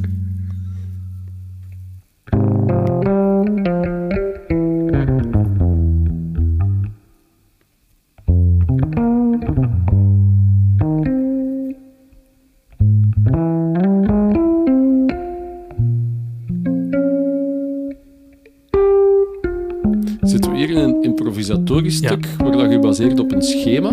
Of is dat Nee, improvisatie eigenlijk, in eh, de zin van see what happens, Ja. als ik het eh, opneem? Ja, er, er zijn eh, in dit stuk eigenlijk twee thematieken die terugkomen. Mhm. En dan zijn er in, de- in deze opname dan eh, twee lange improvisatiedelen eigenlijk. Ja, ja.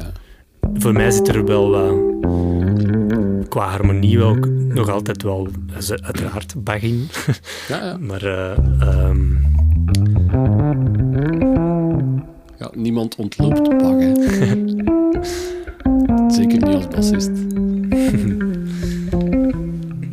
De beste baslijnen zijn ooit door Bach geschreven. Ja. de grootste bangers.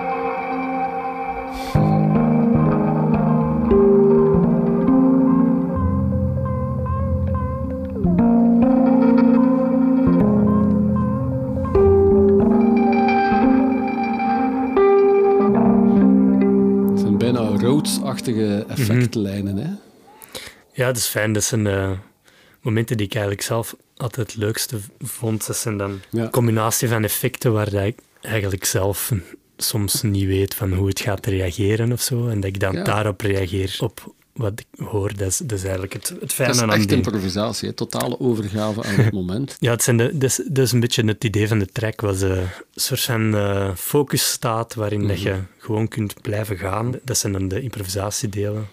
En ik heb wel die eikpunten van die, die thematiek die een paar keer terugkomt. Maar Vandaar de naam. Staar waarschijnlijk.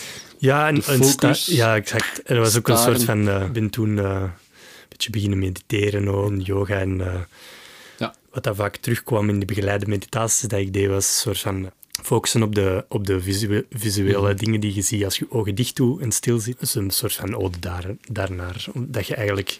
ter- je weet ook niet van waar het dat komt. En je, maakt, Mhm. je brein maakt allerlei associaties. En, eh, Ja, ja. Zeer binnenkort, dus te koop op vinyl zelfs. Yes. Dankzij het werflabel, de EP Deining van Dries Lahe. Lahe. Laaiekop Lahe. met uh, Looiekop. Looiekop met poeperingen. voilà.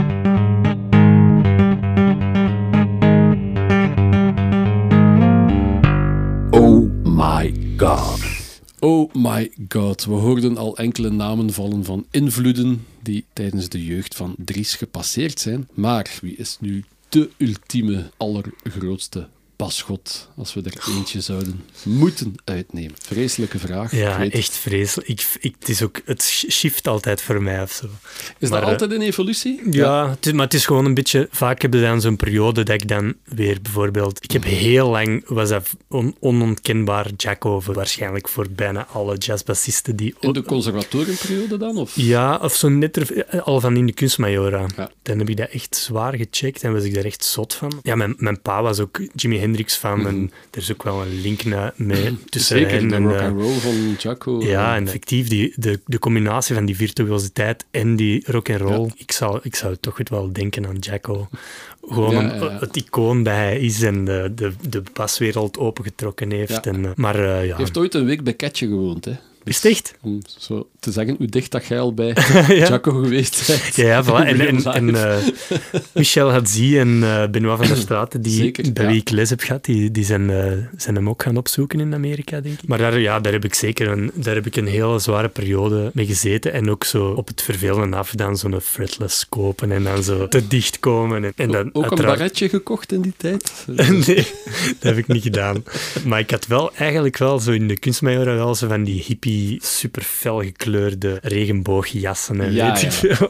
Ja, dat was er wel een beetje door. arty vibes daar. Maar eigenlijk daarvoor was Flea een hele grote held van mij ook. En nog steeds. En hij is eigenlijk teruggekomen. eh, een paar Mhm. jaar geleden heeft hij een boek uitgebracht eh, dat ik echt heel aandoenlijk vond. Dat echt een aanrader is. Acid for the Children heet dat boek. Acid for the Children. Ik heb het nog nooit gelezen. Het is echt... Eh, het, is, het is ook eigenlijk geen muziek-geekboek. Het gaat Mhm. eigenlijk over zijn jeugd tot net voor de, de Vespers of zo. En het gaat uiteraard wel over zijn liefde voor muziek en zo, maar het is, het is eigenlijk gewoon een heel aandoenlijk boek over zijn liefde voor allerlei dingen. En dan, ja, Michel Degocello en Paul Jackson en Pino zijn wel de drie grote. Als je een beetje omdraait, er staat één jazzbas tussen de twee gitaren geparkeerd in een tijgervelletje. Ah, ja. En als je die eruit haalt, ga je van achter twee handtekeningen zien.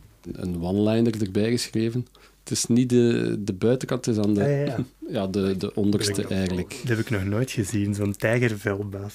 Ja, dat is luthier Wouter Mattelijn die in opleiding was en een stijloefening moest doen, namelijk een basbody in een tijgerjas tekenen. Ik heb met veel plezier mijn bas aangeboden. Keigoed. Maar er staat Life's a Gift en Life's dan de Gift. handtekening van, Ik kan het helaas niet lezen. van de enige grote Michel Ndego Cello. Ah, nice. Blue Note eh, Jazz Festival was het toen. Ah, zij is fantastisch, hè. Ja. En, eh, ja, But she het, moves in mysterious ways, hè. ja, en, en ja, pff, Soms lijkt het ook alsof dat ze er live geen zin in heeft. En dan is het soms ook echt geen goed concert. ja het, is gewoon, het is gewoon een echte madame, eh, een echte persoon. Hè. Ze is echt zo'n, ik denk dat zij... Ik ken haar uiteraard, helemaal- ik heb geen idee. Maar ik kan me voorstellen van die, die attitude die je soms ziet of zo. Ik denk Ja. dat zij heel dicht bij haar eigen kern is of zo. Dat ze gewoon van, eh, Ja. dit is hoe ik ben. En, eh, Ja, want hij is direct omhoog gecatapulteerd met die eerste twee platen. Ja, ja. hè, Bij Maverick Label. ja, ja. En, Door Madonna gesponsord zelfs, denk ik. is het echt? Dus die stond in de hitparade. Die heeft getoerd, getoerd. En voor platenfirma's gewerkt totdat ze erbij neerviel. Ja, ja, Totdat ze begon te voelen van, ja, ja. ik ja. sta waarschijnlijk te ver van mezelf en van echt muziek maken. En Mhm. Nu zie je elke plaat die uitkomt, heeft die goesting om covers te spelen, dan doet ze dat. En dan heeft ze dat op. Is goesting om free jazz te doen, dan doet ze dat gewoon. Mhm. Dan, Ja, ik vind, en ik vind haar feel vind, ik- vind ik, eh, is echt iconisch voor mij. Net zoals Paul Jackson en Pino zijn ook zo gehoord dat gewoon direct. Je voelt dat direct of zo. Ja. Van, eh, Dat zijn die gasten ja. Ik heb zoveel, eh, in, die, in die studententijd, zoveel van die periodes gehad dat je zo, oké, nu, is, nu is Charlie Hayden de waanzin, nu is Steve Ja, Swallow ja, de waanzin. En dan gewoon dat je zo even inzoomt op van die figuren en, dan, en, ze- en nu nog steeds... eh Mononeon vind ik een supercoole stem die Zeker. origineel is en virtuoos. En ik had eigenlijk niet zien aankomen dat er terug zo- zo'n soort Ja. van virtuoos op de bas ging komen, die het zo terug next level weer iets gek doet. Ja.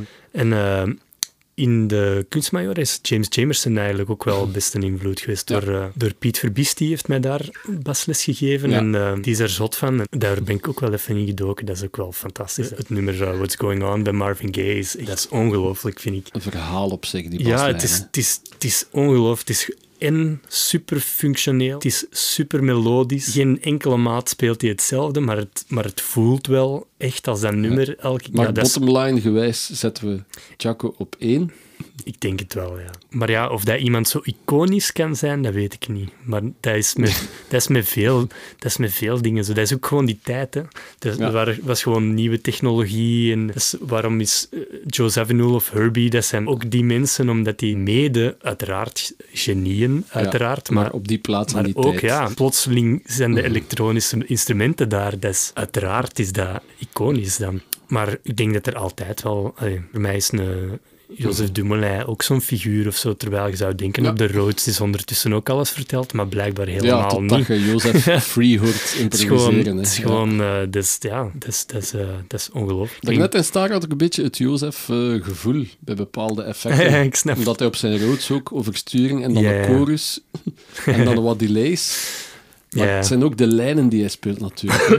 Als iemand sowieso. anders dat probeert te doen, dan gaat hij op zijn bek. Maar Dat was een, ik heb een- ook samen een project met hem, dacht ik. Hè? Ja, dat was, dat was voor mij een, een, een fantastisch moment toen op conservatorium, denk ik, dat hij, dat hij mij belde om bij Little Boy te gaan spelen, Ja, zijn Little project. Boy, dat was het, ja. Dat toen geen bassist had. Ik heb toen echt op de zetel staan springen als een fan, als een kleine fanboy gewoon. Dat was hilarisch.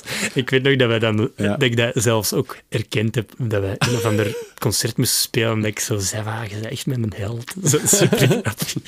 Ja, maar, Heeft ook West-Vlaamse roots. hè. Zeker, ja, ja Dat zeker. is het. Hè. Maar ik vind dat, dat is voor mij wel echt zo'n figuur. En is Underground heeft hij gelukkig wel eh, een gekend persoon natuurlijk, maar je moet chance hebben met de tijd natuurlijk. Ja. Om een Herbie Hancock te kunnen zijn, moeten we ook wel Ja, de kansen krijgen. En eh, dat is ook, ook het leuke, het coole eraan. Hè. Er moet zoveel gelijk lopen. Er zijn zoveel genieën die nooit gekend zijn geweest, maar eh, het kan wel altijd of zo. Je noemde er net nog een, een ander genie op contrabas, Charlie Hayden. Mhm.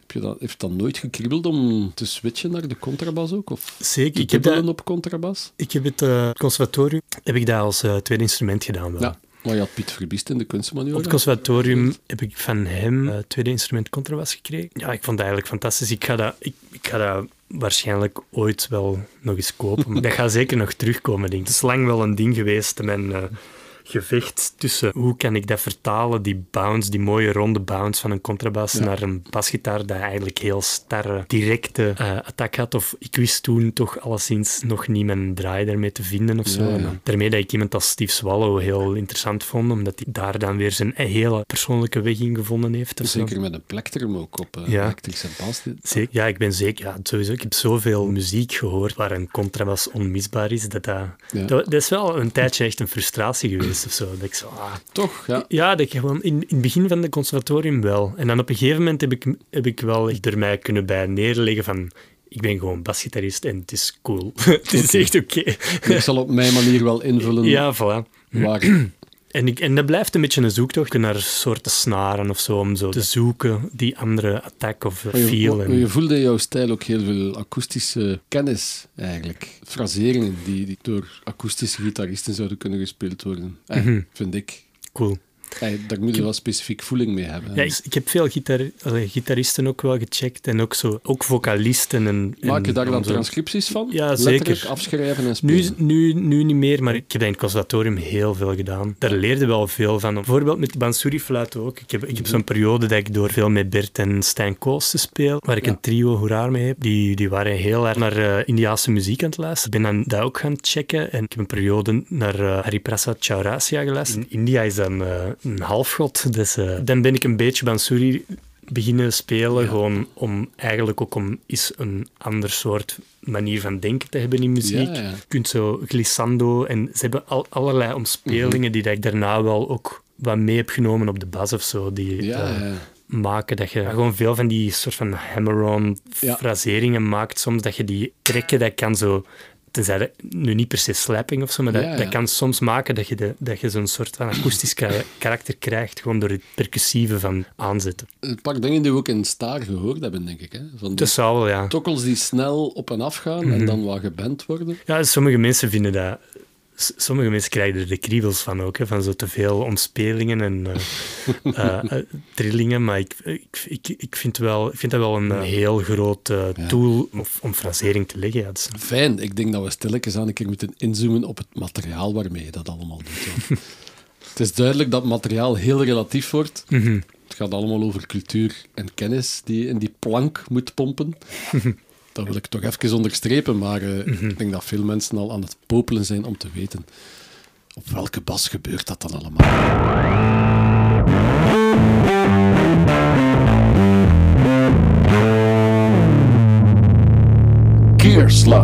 Ja, Dries, je mag het onthullen. Welke bas zit hier flamenco-gewijs bijna Ja. op uw schoot? Bijna verticaal omhoog, Ja, als, als ik solo speel wel, ja. Of, of zelfs in studio, of eigenlijk vaak.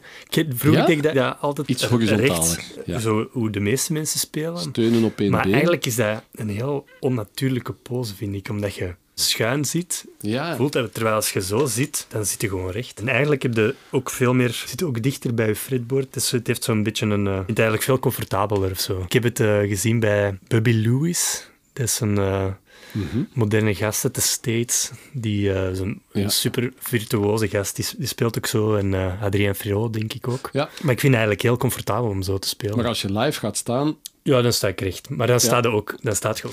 Maar ik hang die wel vrij hoog ook. Dus ik denk dat Mhm. eigenlijk als ik recht sta... Denk dat, ja, het komt wel wat rechter natuurlijk, Ja, ja. Maar, eh, maar ja, het is, gewoon een, het is wel een ander ding, inderdaad. Om, eh, Ja. maar, maar ook hoe dat ik mijn solo-stukken speel, die, zo, zo speel ik meestal niet bij een Ja. eh, popproject. misschien nog uw gitaar, klassieke gitaarachtergrond. Wie weet. Maar eh, deze instrument is een eh Elric. Eh, Elric. Een Yes. vijfsnarige Elric pas.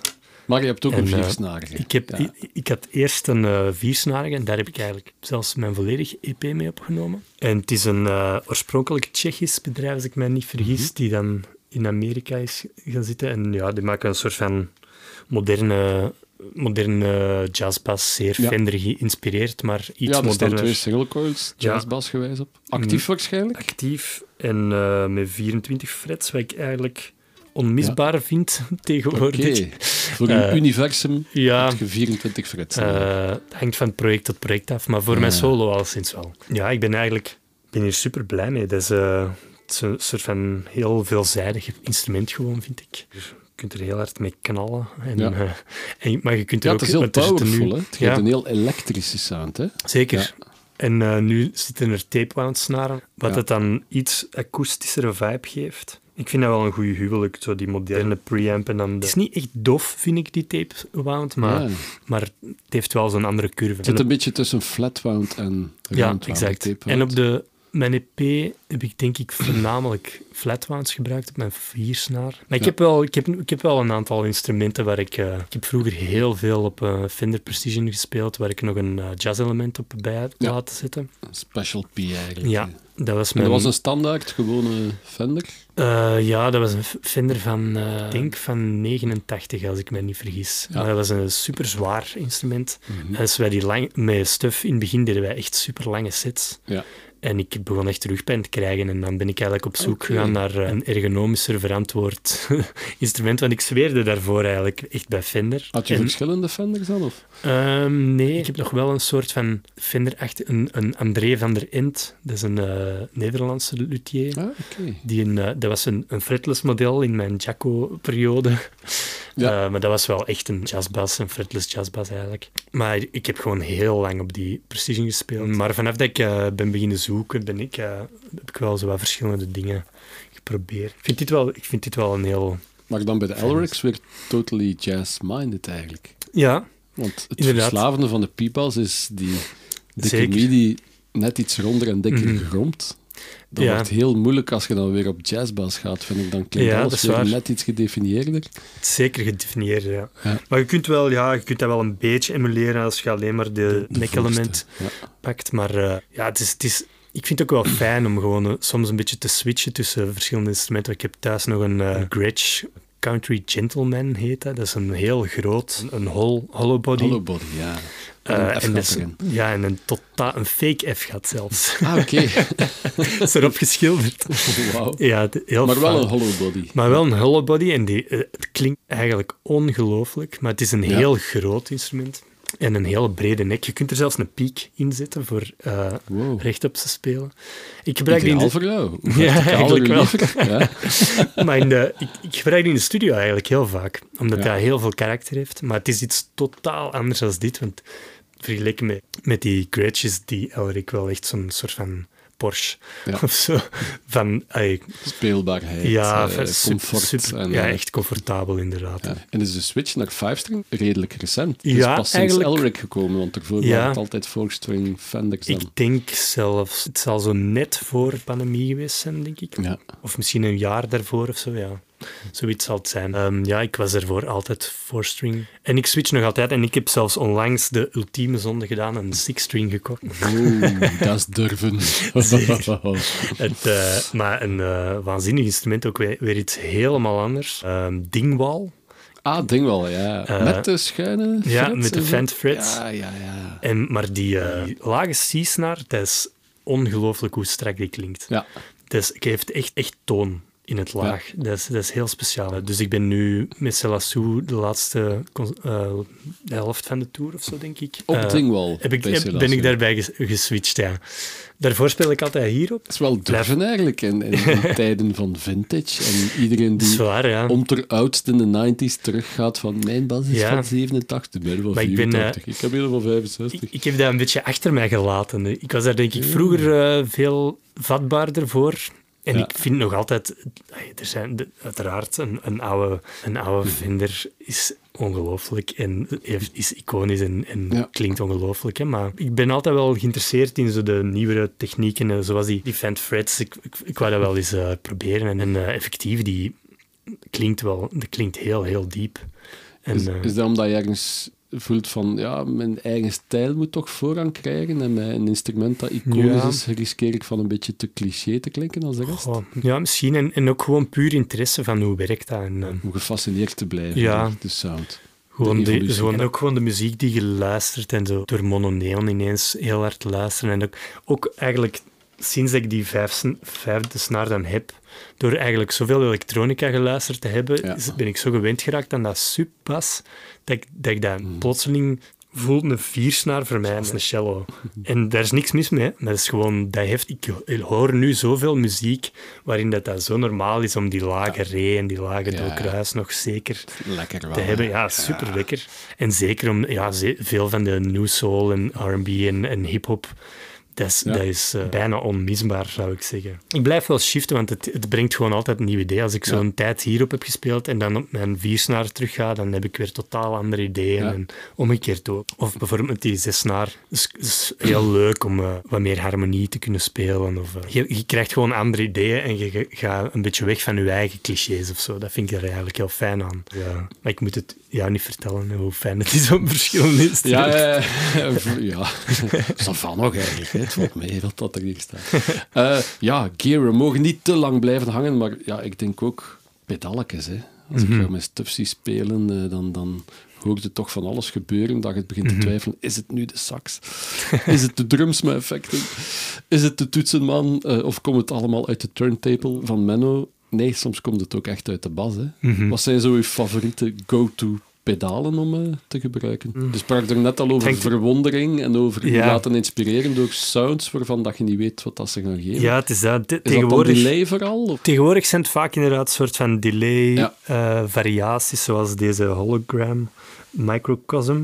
Ja, fantastisch. Eh, had ik nog nooit gezien. Het zijn allemaal eh, ja, kleine delay-variaties die, die glitch-effecten kunnen geven. Daar ben ik de laatste tijd wel veel naar op zoek. Veel van mijn solo-project heeft wel vooral delays. Dit, Ja. dit zijn twee delays hier.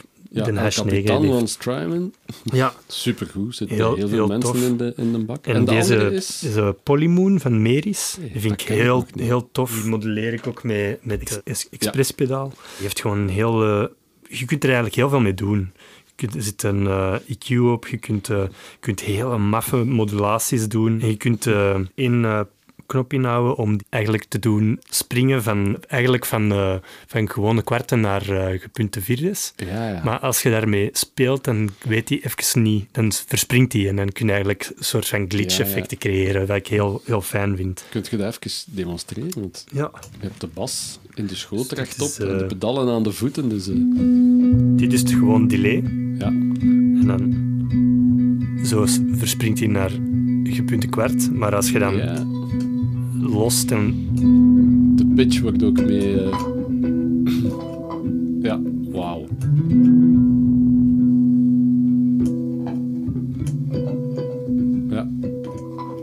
Pinch harmonics zijn al hoog en als ze dan nog eens Ja, het is dat. twee octaven omhoog gaan, Ja, voilà. het En dan kun je volledig nog mo- modelleren ook. Nou, bijvoorbeeld een Ja. volledige octaaf. Die kun je dan ook terug glitchen. Ja. En alles wat ertussen zit, Ja, bij- bijna een modulaire synth die aan Ja, het... het, eh, het ja. is- die gaat al even mee en die vind ik heel fijn.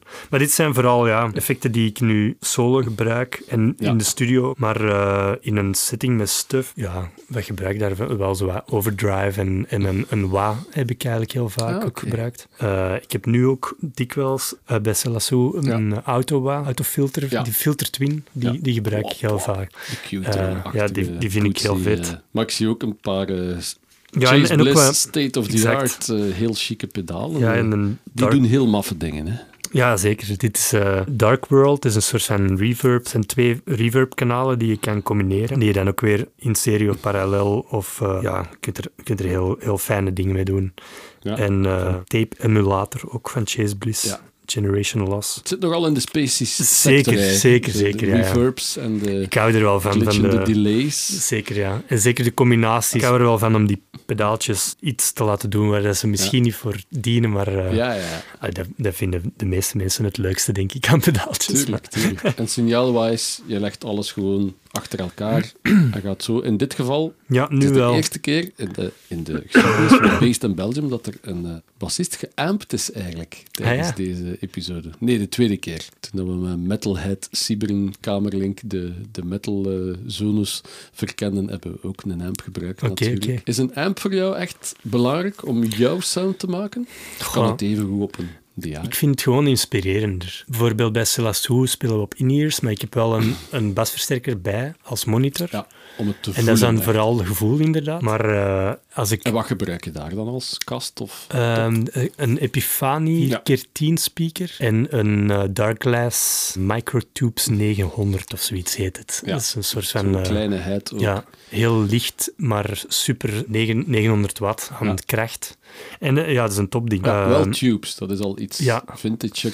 Ja, maar je kunt die ook je kunt kiezen. Je hebt een klinkkanaal en je kunt die eigenlijk Ja. heel modern laten klinken Ja, ook. Mm. Want de Epiphany is heel, eh, Heel strak. responsief, Ja. heel, heel sportief noem ik dat altijd. Ja, zo. ik hou er wel van. Een DI is een fantastische tool, maar eh, de, voor mij is het- is zelfs niet per se de versterker, want ik vind het ook wel leuk om te switchen of bijvoorbeeld een versterker van jou te spelen in plaats van die van mij. Gewoon om zien te wat dat voelen. Maar, maar de verplaatsing van sound in de ruimte is gewoon wel heel inspirerend en past uw muziek veel sneller aan of zo. De dat het hier- energie eigenlijk, ja, die je en opneemt. zelfs puur praktisch, stel dat het hier nu mega hard galmt, dan speelt je anders. Terwijl als ik dan alleen op Ja. koptelefoon op die UI speel, zou ik misschien daar geen rekening mee houden of zo. Ja.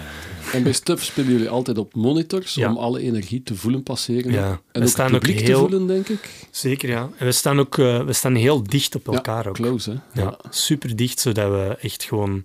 Of dat wij nu op een, op een gigantisch pukkelpop-podium staan of, Ja. of niet.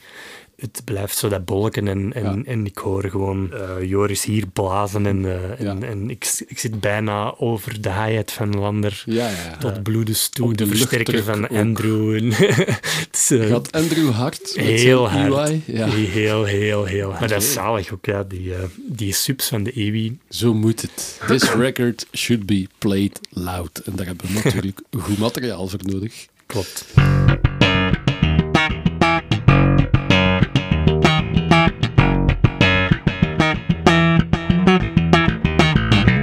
Advice for the young at heart. Ziezo, 35 jaar is Drisla hè. al, of nog, of ja, hoe dat het bekijkt. Maar toch al zeker meer dan 10 jaar professioneel bezig. Enorm goed bezig. Daarvoor al heel lang met muziek bezig. Dat hebben we ook al geleerd. Dus wat zou jij dan eigenlijk meegeven aan de gasten die nu echt willen beginnen in deze tijd? Want er is weer een ander, ander plaats, ander moment. Ja, ik denk gewoon heel cliché, je eigen stem blijven ontwikkelen. Mhm.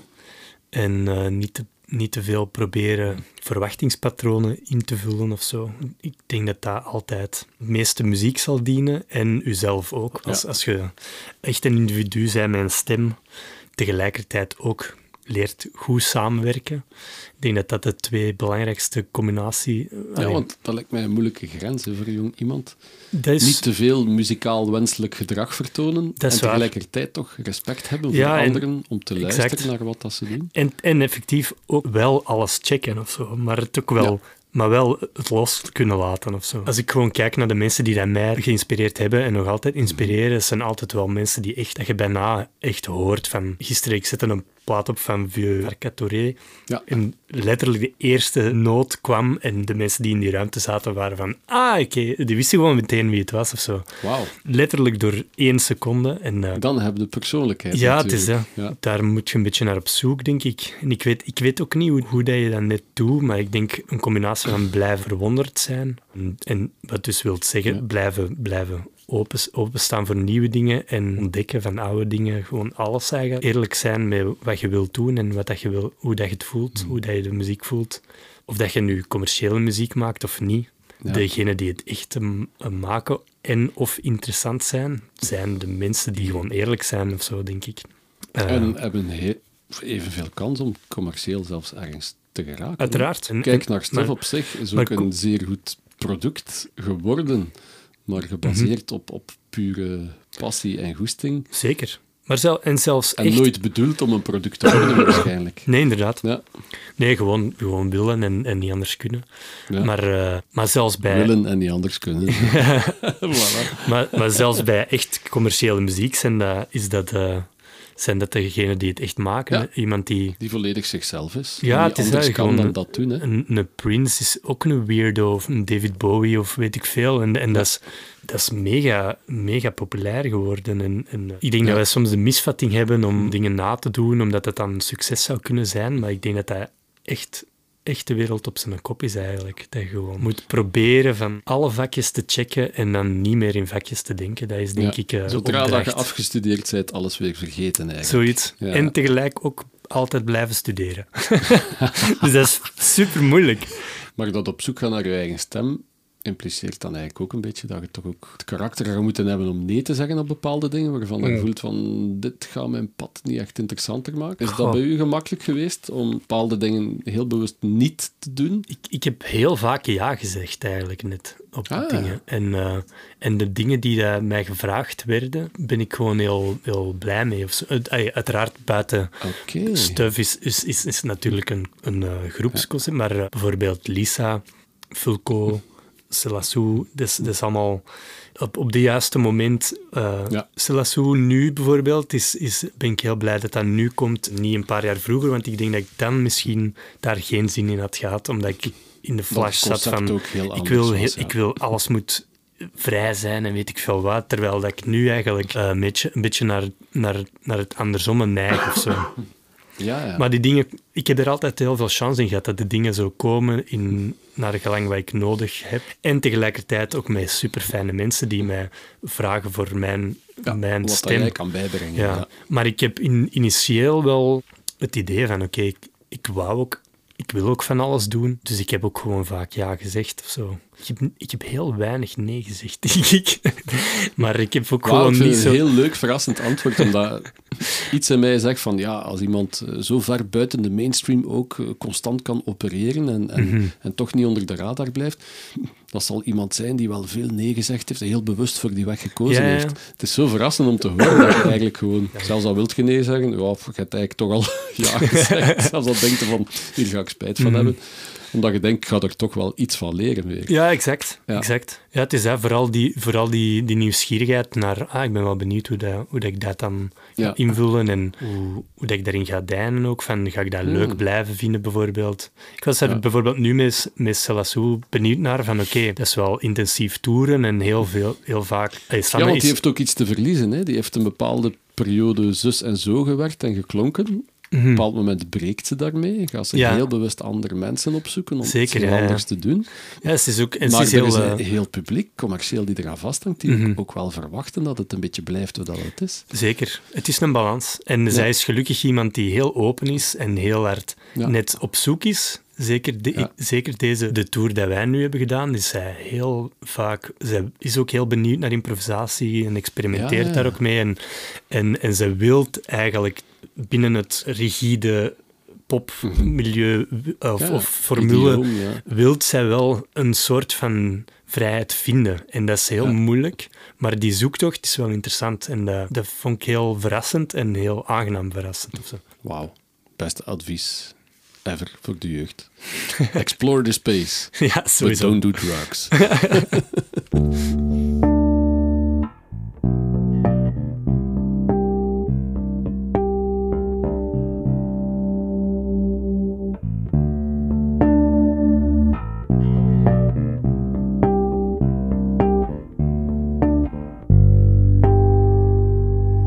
Famous last notes. De allerlaatste noten die Dries Lahey nog op zijn zang zou willen hebben, gesteld dat hij weet dat hij nog een aantal minuten te leven heeft. Daar ben ik zeer benieuwd naar.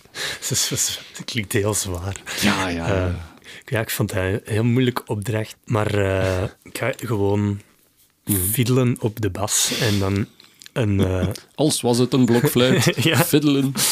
Eh, ja, gewoon een beetje zien wat ik met deze pedaaltjes tevoorschijn tover. En dan eh, een stukje van eh, Valavond, een compositie van mijn EP. Oké, nog een scoop uit de nieuwe EP. Yes. Niet specifiek om een diep achterliggende reden, maar gewoon omdat ik daar zin in heb eigenlijk. Voilà. Moest die situatie zich voordoen, dan zou dat denk ik mijn ding zijn van gewoon... Oké. Valavond is ook een goede titel voor uw, uw sluitstuk in uw leven natuurlijk. Ja, zwaar. Welkom in eh, rust- en verzorgingstehuis. Valavond. Dat hoop ik eigenlijk. Ik heb er- En dan die muziek in de lift. Ja, dat is voor mij eerder een nachtmerrie eigenlijk. Maar Een rusthuis. Ja. Ja. Worst Ik- nightmare, ja. denk ik. Je kunt daar chance mee hebben, hè, maar dus ergens heb ik daar een... eh, ik hoop eigenlijk dat ik vroeger uitdoof dan dat. Ja, ja. Zonder donker te klinken, maar eh, Ja, ja, ik snap het. Ja. ergens zou ik zo toch mijn vrijheid willen behouden. In mijn hoofd is het dan niet. Maar het is, het is dubbel. Mijn, mijn eh, grootmoeder die nog leeft, die zit in een, in een rusthuis en die is daar super blij.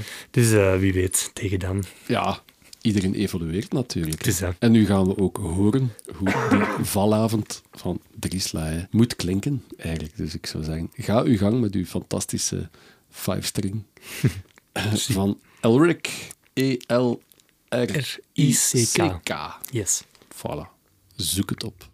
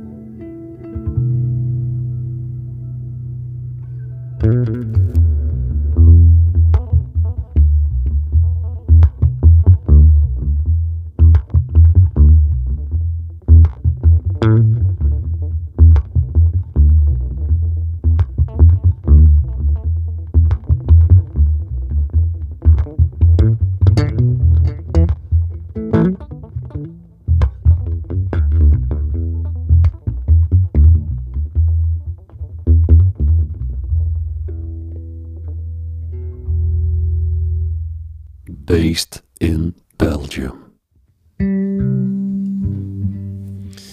Wederom gelukkig kan ik zijn als podcast-host wanneer de game-changing bassist van de laatste jaren met zijn Elric 5-string bass de outro van deze vierde episode van ons derde seizoen Based in Belgium voorziet van een royaal laagje laag en glitch.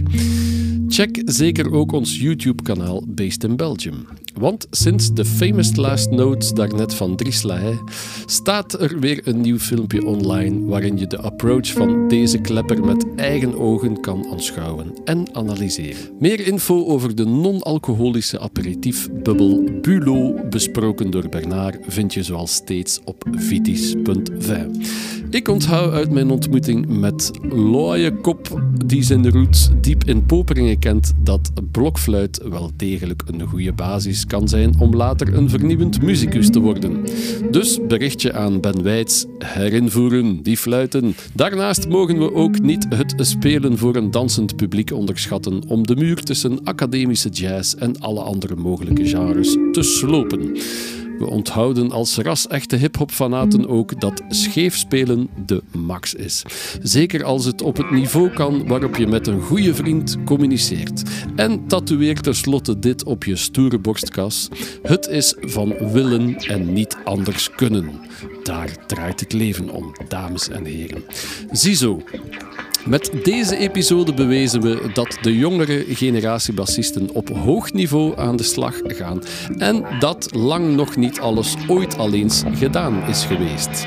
Het wordt nu uitkijken naar een volgende basgast waarvan ik nu al kan verklappen dat die wel een schandalig goed glas wijn lust.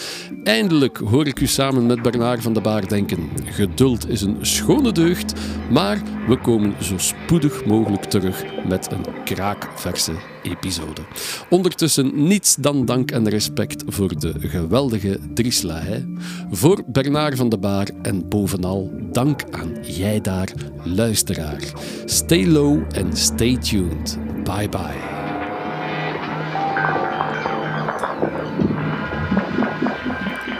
Explore the cosmos. Dankjewel, Dries. Alsjeblieft. Zeker.